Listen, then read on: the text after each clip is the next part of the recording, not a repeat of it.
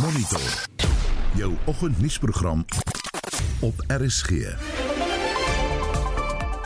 In vandag se program gemengde reaksie op Janusz Wallus se vrylating op parol. where in this country a foreign white can come into South Africa, kill my kill my husband. I don't know if you had Zondo never referred to my family, to myself, to my children, and the trauma and the suffering. Politieke partye verwelkom die appelhof beslissing in oud-president Zuma se mediese parolsaak. Tot nou toe het die departement van korrektiewe dienste met sy optrede en mediese parol 'n klugspel gemaak van Zuma se aanvanklike vonnis van 15 maande. Dit was 'n ondermyning van die land se strafregstelsel en dit is in belang van regspleging dat 'n herhaling van die Shabir Sheikh klugspel voorkom word. Ons praat met 'n regskenner oor albei sake en die jongste nuus van die sokker wêreldbeker toernooi. Welkom by Monitor, die span vanoggend is redakteur Wessel Pretorius, ons produksieregisseur is Mark Preller en ek is Udo Karelse. Dis byna 12 minute oor 6. Die polisie sê hulle het 3 verdagtes aangekeer wat 13 petrolbomme in hulle minibus taksies gehad het. Dit kom nadat twee busse in Khayelitsha op die Kaapse vlakte gisteraand aan die brand gesteek is op die eerste dag van 'n tweedaagse staking wat deur die taksi Sambreel liggaam Santaco gereël is. Volgens die polisie het die verdagtes na bewering sterk bande met die taksibedryf in Delft op die Kaapse vlakte. Kob in August doen verslag. Die stad Kaapstad sê hulle gaan hul wetstoepassing in Khayelitsha verskerp nadat verskeie busse in die gebied aangeval is. Een Golden Arrow bus, sowel as 'n My City bus, is aan die brand gesteek. Geen beserings is aangemeld nie. Nog 'n Golden Arrow bus is gekaap en later teruggevind. Intussen is nog 'n persoon in hegtenis geneem terwyl hy 'n bus bestuur het wat gekaap is. Die burgemeesterskomitee lid vir veiligheid en sekuriteit, JP Smith, sê die stad se wetstoepassingsagentskappe sal op 'n hoë gereedheid in die gebied bly. Hy sê die taxi-operateurs wat die stakingsaksie gevra het, kan aanspreeklik gehou word vir die aanvalle op die busse.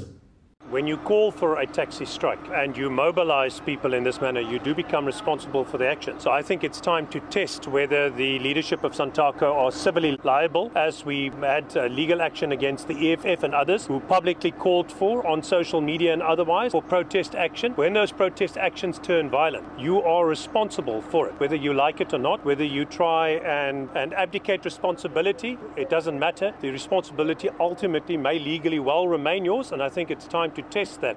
Die woordvoerder van die Golden Arrow busdiens, Bronwyn Dyke Beyer, sê hulle veroordeel die gebeure in Khayelitsha ten sterkste. Golden Arrow is trying to operate as full a service as possible. Unfortunately, the situation is very unpredictable and volatile, and so we don't know what is going to happen from one minute to the next. But we ask our passengers to please bear with us as we are trying our best to operate as full a service as possible. Die Suid-Afrikaanse Nasionale Taxiraad het hulle van die voorvalle van geweld in Khayelitsha gedistansieer. Die ondervoorsitter van Santaco, Neba Enge, sê kansvatters gebruik hul staking om misdaad te pleeg. Strike should be a peace one. And we have issued a statement last week encouraging our people not to involve themselves in such violent activities. And we have also written a letter to Golden Arrow Bus Services and we're encouraging them to use their discretion then in terms of their buses going to the townships and stuff because, uh, you know, when uh, something of this nature happens, there are other people who take opportunity, you know, and do their own thing. Pendelaars sê die staking is baie ongerieflik. The buses are expensive before 8 o'clock, so it costs a lot of money. That's a problem. So I, I don't know how I'm going to come to work later then because I still have to come to work later. And then uh, I don't have enough money. So We don't have taxis. There's a strike. If you are taking a bus, it just take you a half away from the location. There's no taxi. So we are struggling a lot. Die polisiewoordvoerder Novella Potelwa sê drie verdagtes wat sterk bande met die taxibedryf het, is in hegtenis geneem toe plofstof in hulle voertuig gevind is tydens 'n roetine patrollie ondersoek in Delft. A flying squad vehicle with police officials on route patrol spotted a Toyota Quantum minibus and a sedan in pursuit of a furniture delivery vehicle whose driver seemed to be in distress. The police officials promptly responded while calling for backup. After pulling over the vehicles, in the minibus they discovered 13 petrol bombs. All three suspects between the ages of 28 and 32 were apprehended. They are expected to be charged in terms of the Explosives Act and will appear in court in due course. Volgens Santaco is die opskorting van die provinsiale regering se Blue Dot program een van die hoofredes vir die staking, maar die Wes-Kaapse Departement van Vervoer sê hulle het dit van die begin af duidelik gemaak dat die Blue Dot program slegs 'n loodsprogram is. Hierdie program is in 2020 bekend gestel op voorwaarde dat dit slegs kan plaasvind terwyl befondsing beskikbaar is. Die provinsiale minister van vervoer, Dylan Mitchell, sê die program kom nou aan die einde van November tot 'n einde. Hulle sal moet geld by die nasionale regering kry as hulle die projek wil voortsit. 17 months ago, when this pilot program was initiated with the industry, there was a beginning date and there was an end date with X amount of money. Now, I think it's important to note that the Western Cape government has spent 215 million Rand to roll out this pilot project because when the rest of the country said we are not engaging, we are not putting money on the table with the formalization of the minibus taxi industry, the Western Cape government, the only province in this country, said we will work with the minibus taxi industry. Intussen sê die Wes-Kaapse Departement van Onderwys dat die matriekeksamen nie juis benadeel is weens die taxi staking in die provinsie nie. Ek is Coben August in Kaapstad.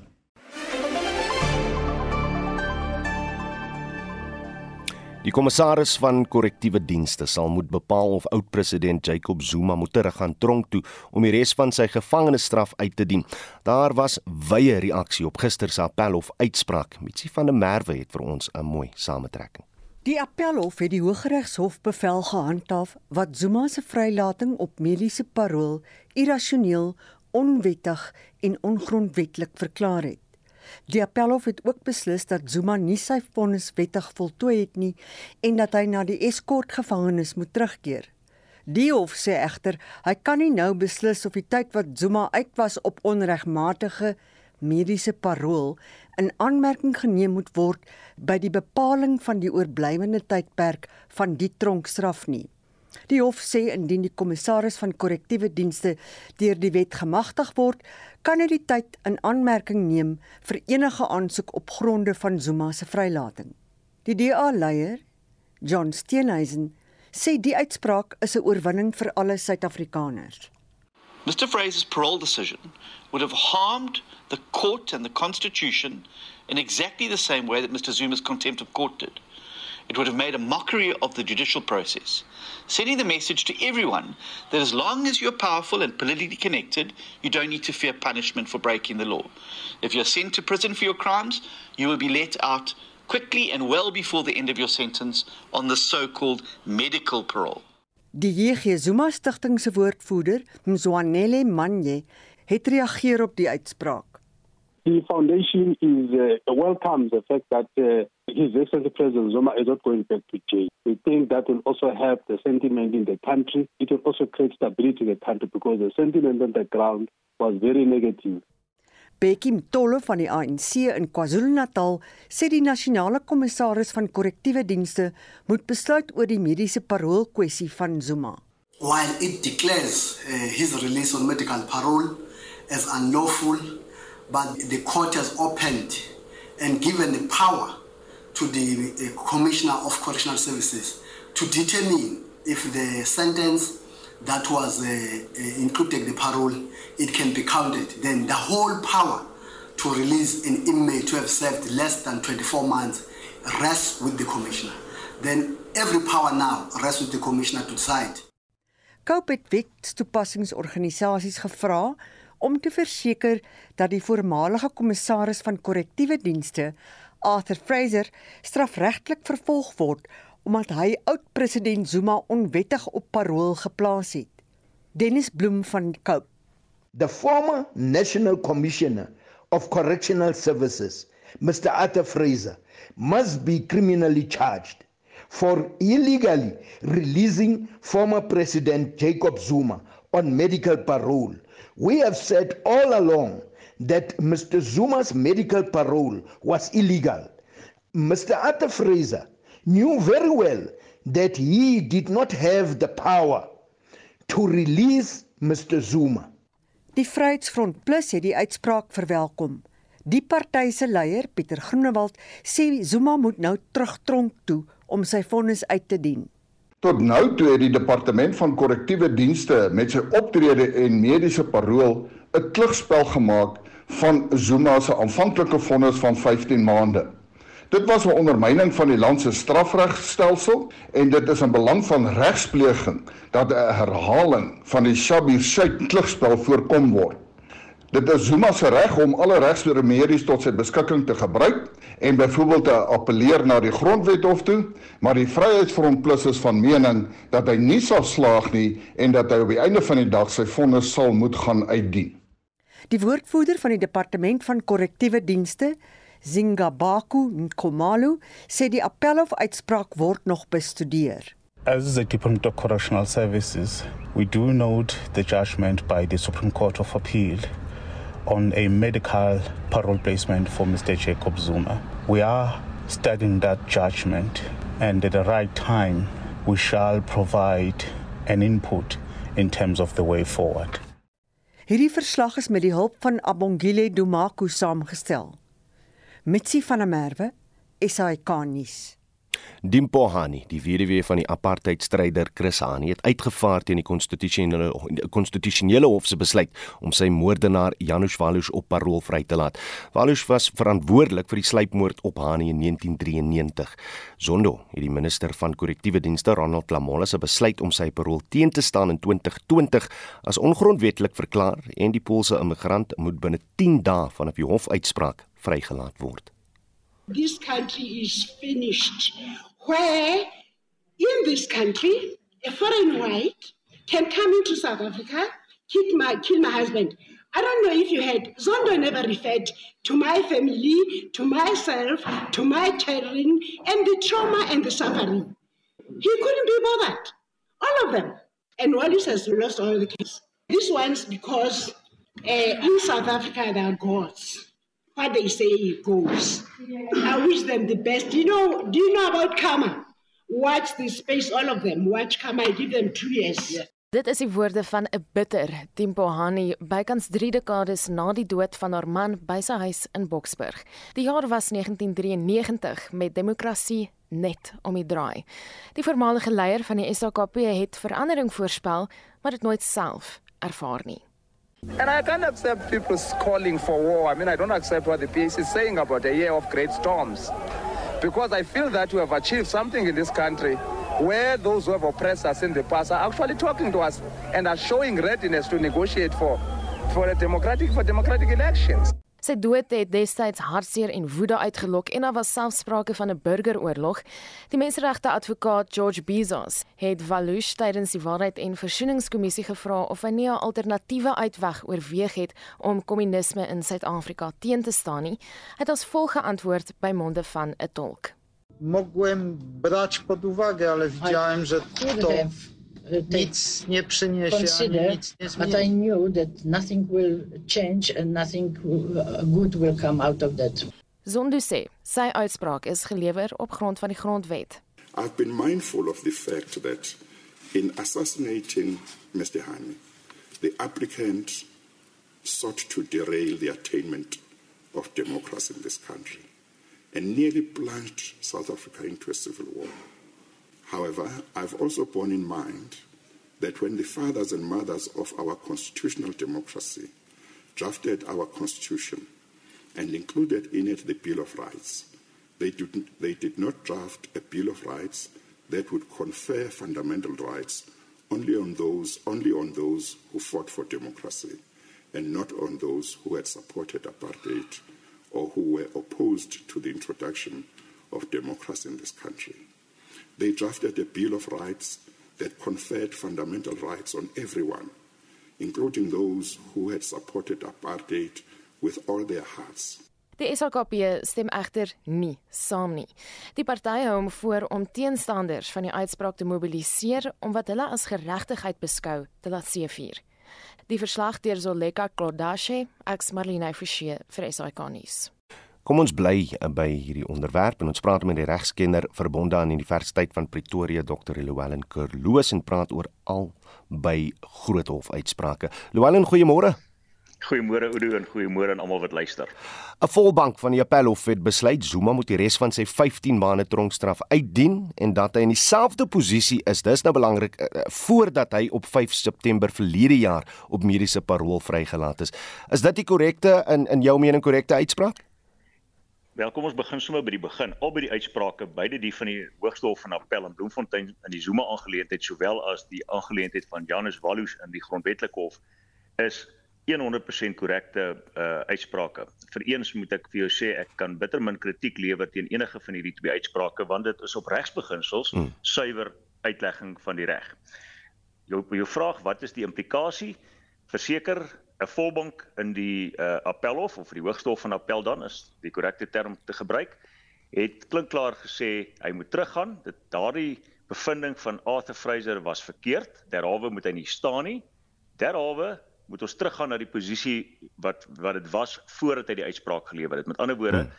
hy is terug waar hy moet wees en dit is in die tronk vir 15 maande. Onthou hy het 2 maande uitgedien voordat hy vrygelaat was op sogenaamde mediese parol Ehm um, al wat die Hoogste Hof van Appel nou gesê het is nou kan die die die kommissaris, nasionale kommissaris moet nou sy diskresie judisieel uitoefen hmm. met 'n agneming van dit wat hy by die vorigene moes gedoen het, naamlik om die parooladviesraad se aanbeveling te volg. Die parooladviesraad het vir Arthur Fraser destyds gesê Zuma kwalifiseer nie vir mediese parol nie. Hmm. Nou hierdie keer afhangende van wat hulle hom aanbeveel, die huidige eh, nasionale kommissaris, moet hy dan sy diskresie judisieel uitoefen en dan 'n besluit maak. Ehm um, is hy geskikte kandidaat vir mediese parol? Indien wel, wanneer moet hy vrygelaat word? en op watse terme. Dis al wat die Hoogste Hof van Appel bevind het. Llewellyn, dit was seker ook baie belangrik dat appelregter Tati Makgoka hom sterk uitgelaat het oor korrektiewe dienste se voortydige verklaring dat Zuma se vonnis en paroltydperk reeds verstryk het. Ja, absoluut. Ek meen dit is dit is 'n dis is 'n felle kritiek wat gelewer is teen die departement van korrektiewe dienste.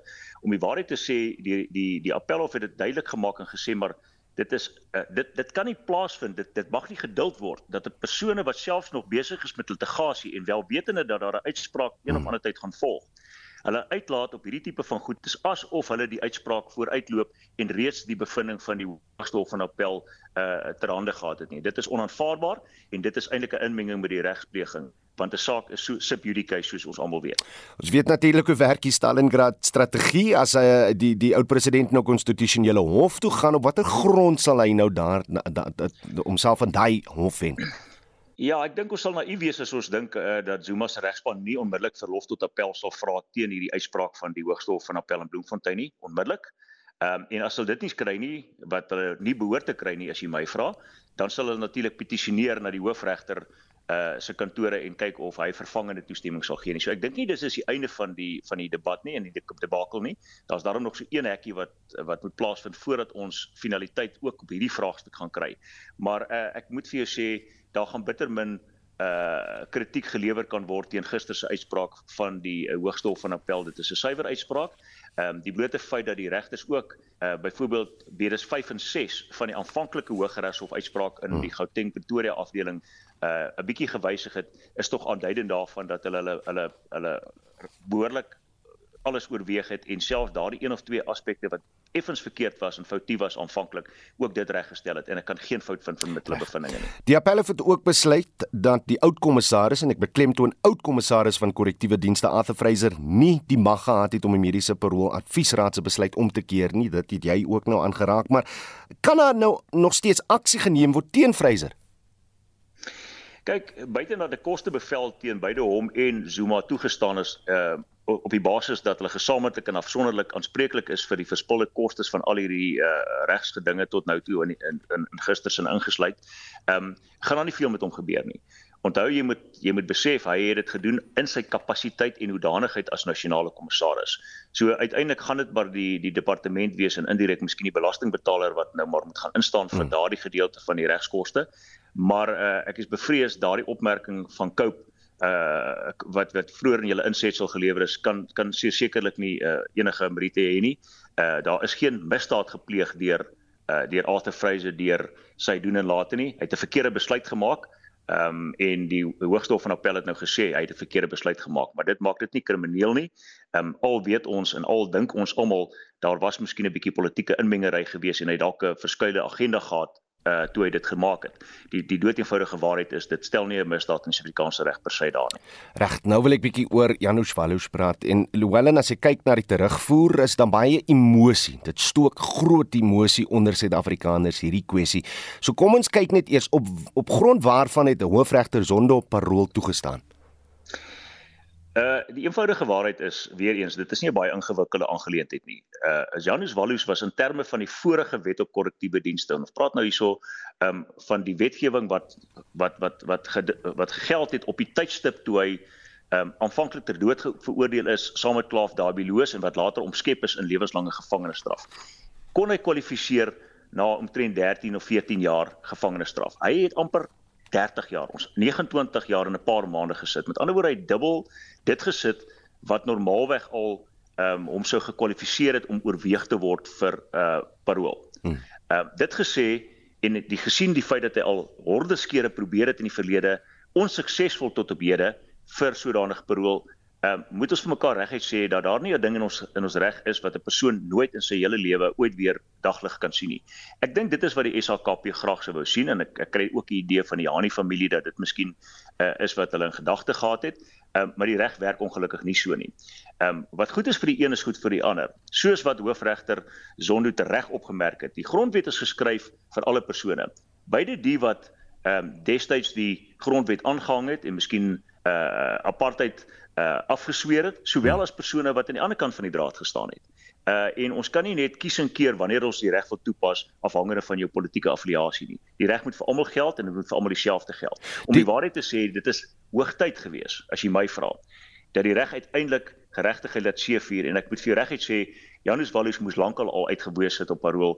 Ehm um, dit is eintlik 'n skande gewees dat ons tot op hierdie vlak moes kom na soveel jare en amper 3 dekades voordat hy ook dit gekry het wat baie ander ehm um, politici en politieke misdadigers voor hom al reg gekry het sonder dat hulle deur al soveel hordes hofsaake hoef te gegaan het om dit te bewerkstellig. As hy binne 10 dae nie op 'n rol vrygelaat word nie vir vir wat ook al die rede is. Ja. Wat wat dan, Llewellyn?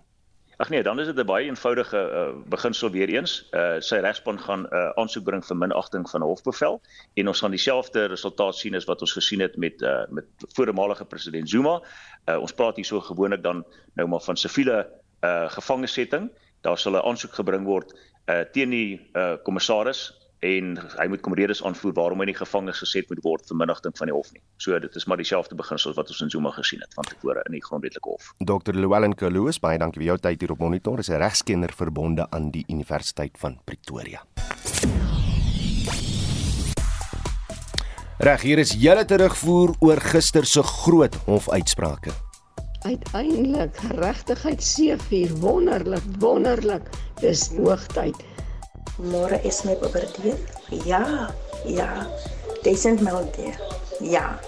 Janus wel kwalifiseer baie baie lank vir mediese parol. En elke keer steek die weduwee 'n stokkie voor van Chrisane. Dis onmenslik, dis onregverdig teenoor ander. Kyk hoe maklik was Zuma vrygelaat. En ek glo regtig waar Fraser sal vervolg word. Wat toegelaat het dat Zuma wegkom.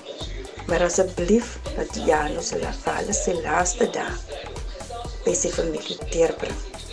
En Zuma moet baie beslis terug toe gaan.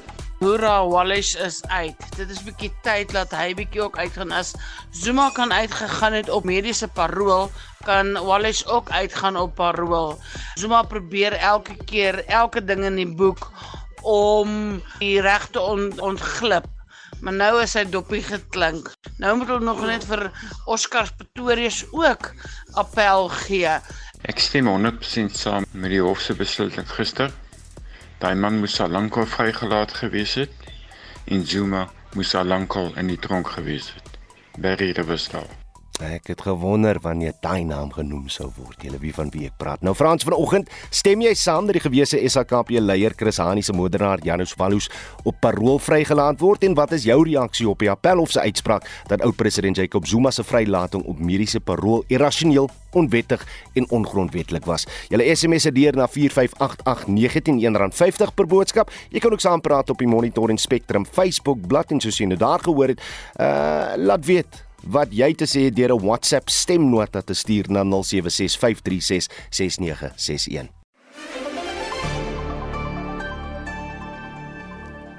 Kusatu en alle staatsdienswerkers neem vandag aan alle provinsies deel aan 'n nasionale dag van aksie. Ons praat nou met Kusatu se parlementêre beampte Tony Ehrenreich. Tony, goeiemôre. Dag sê.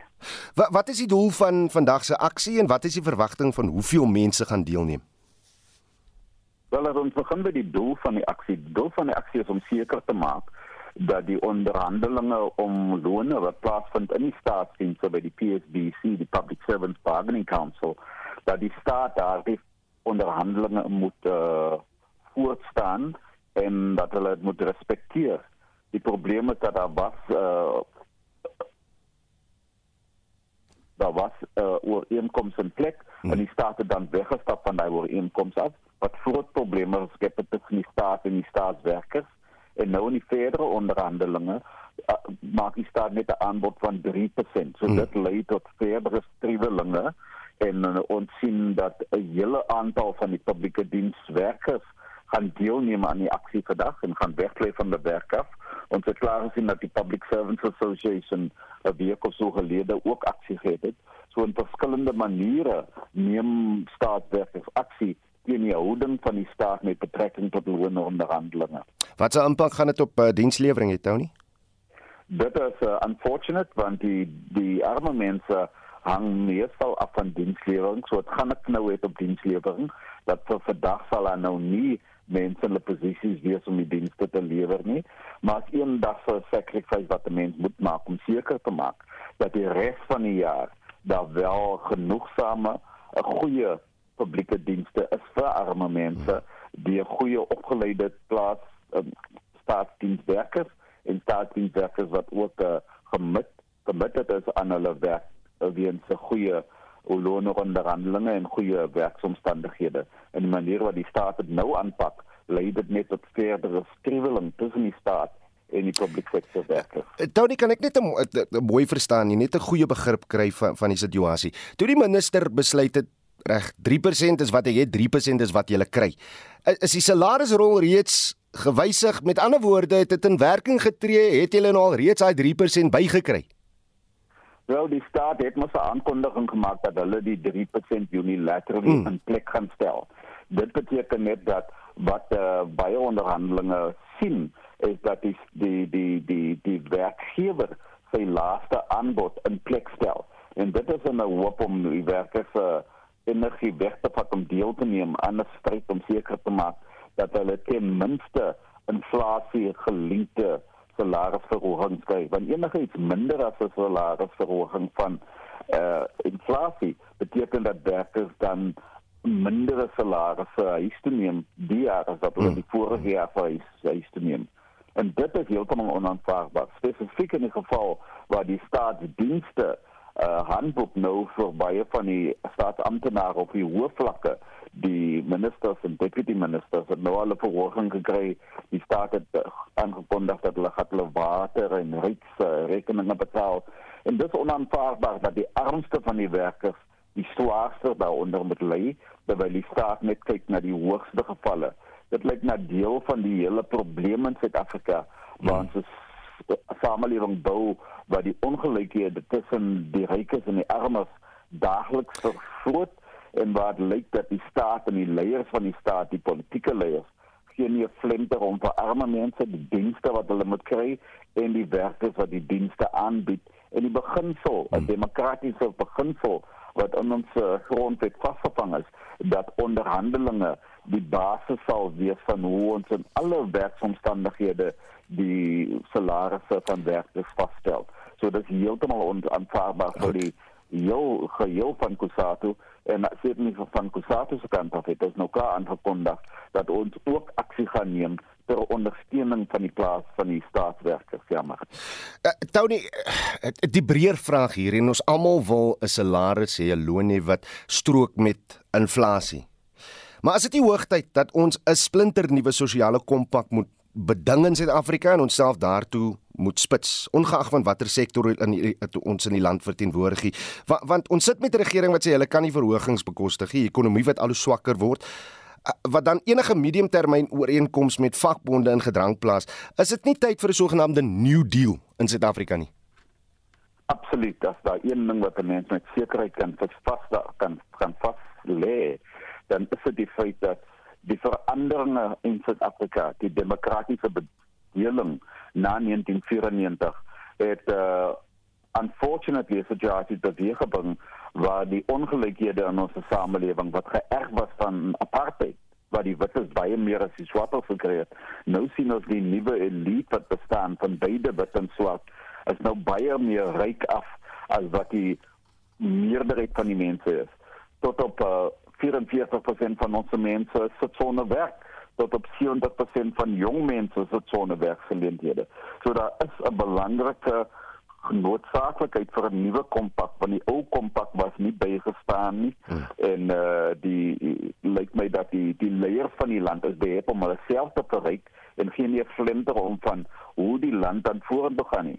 Alle indikasies is dat as 'n mens dan die verhogings en die disposable income van die armste laag van werkers in die samelewing verhoog, dan lei dit outomaties tot ekonomiese groei, want dit daar die vlak van mense wat goed te koop wat vervaardig is in Suid-Afrika. Die rykes wag vir die nuwe Mercedes om uit te kom en koop die nuwe Gucci handbags en so aan en hulle is niks te doen om om domestieke ekonomie te ondersteun nie. Dis deel van die probleem wat ons het dat 'n mens moet 'n verhouding hê tussen jou jou lone en jou strategie om lone en hoe jy dan 'n samelewing bou wat meer uh verbind is tot mekaar. Die regering se so so so so so so maatregels wat wat tot dusver in plek gestel is, is heeltemal onaanvaarbaar en dit gebruik nie en dit gee nie vir ons die geleentheid om seker te maak dat ons samelewing bou wat daar werksgeleenthede is nie, waar mense se lewens verbeter nie en waar die standvastigheid van die staat elke dag meer verbou word want in Suid-Afrika die staat 'n geweldige verantwoordelikheid om al die ongeruimighede van 'n partyd reg te stel. En ons is nog hier eens by die punt wat ons dit kan aanspreek nie weens die feit dat daar so baie korrupsie en ander probleme in die staat is. Tony Erendreich, ek gaan jou ek gaan jou daar moet stop van die tyd is bietjie teen ons, maar baie dankie vir jou tyd hier op monitor vanoggend. Hy is Kusanto se parlementêre beampte Tony Erendreich.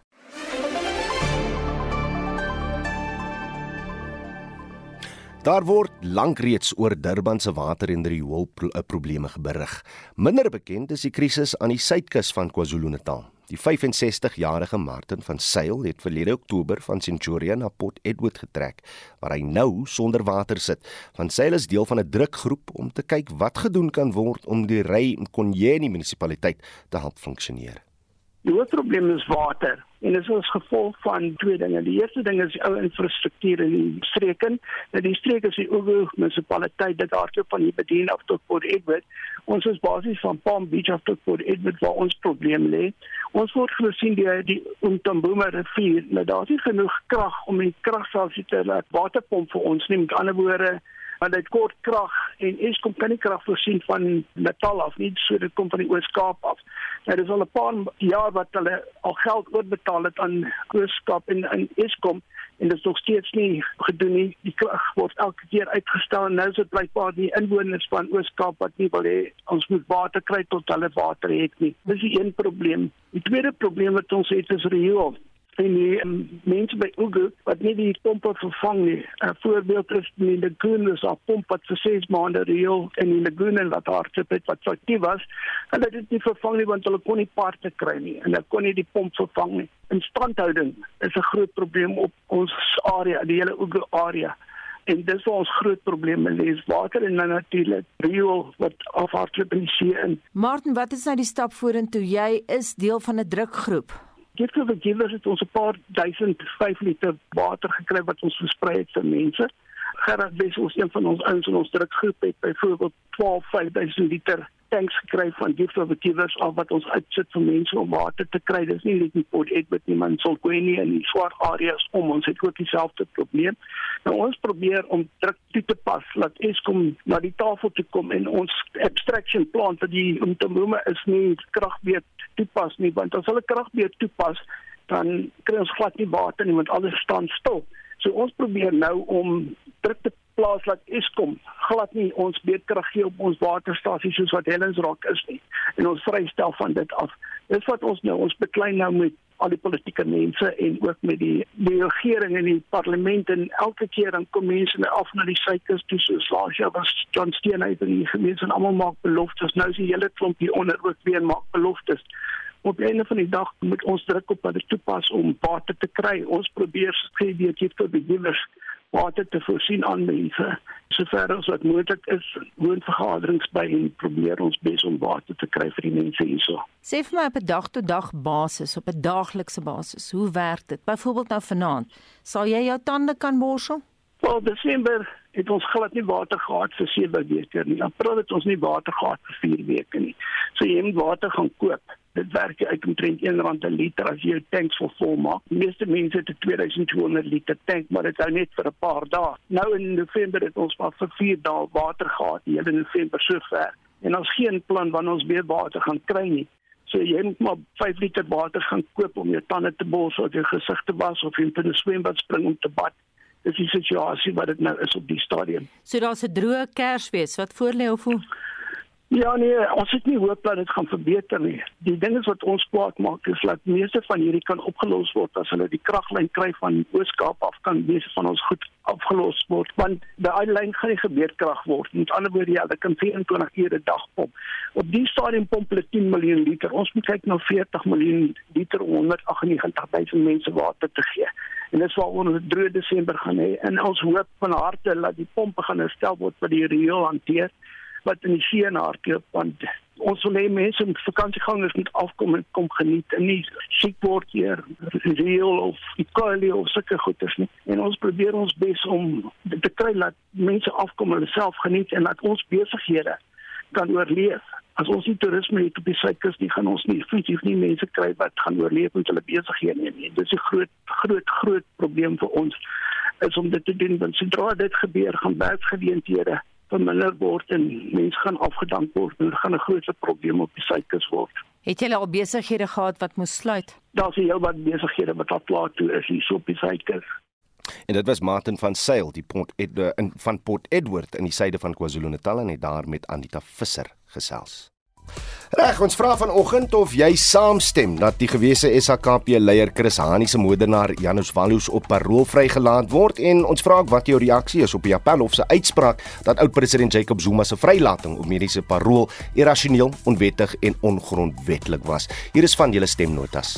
Julle moet vir Wallus 'n goue medalje gee vir wat hy gedoen het, maar Zuma moet in die tronk bly tot al die ewigheid tot hy vrou. Môre, ja, daai hofuitspraak was reg geweest. Ek wil nog net weet wanneer gaan Zuma terug of gaan hy nou nog weer 'n jaar buitekant speel met die gereg? Ja, nee, die gereg is te sag op hom.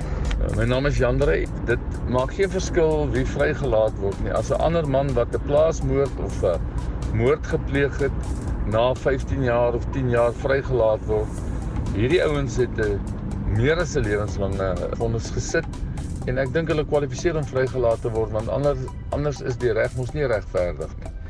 Ek dink maar net ek was in die weermag die tyd toe dit plaasgevind was en dit was 'n baie moeilike tyd en uh, baie mense het opgetree sonder reg om aan die konsekwensies van hulle optrede te dink. Hy het hoeveel keer al verskoning gevra, maar die vreeslike vernyn wat nog daarvan Hani se vrou afkom, sy kan net nie vergewe nie. Ons verstaan natuurlik dat dit baie swaar iets vir haar was, maar arme Walus wat jare al in die tronk sit.